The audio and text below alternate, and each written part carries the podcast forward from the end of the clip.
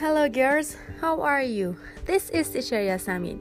Today's lesson is phonics.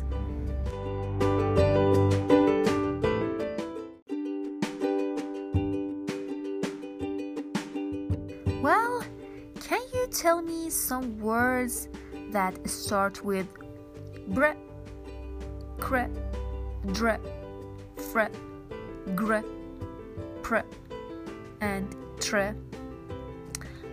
I give you one example. For bread, we can say bread.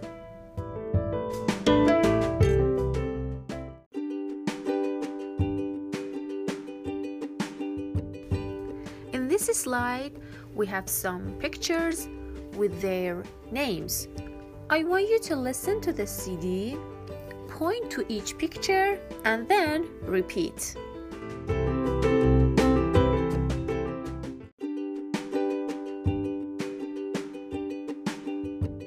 Now check your answers.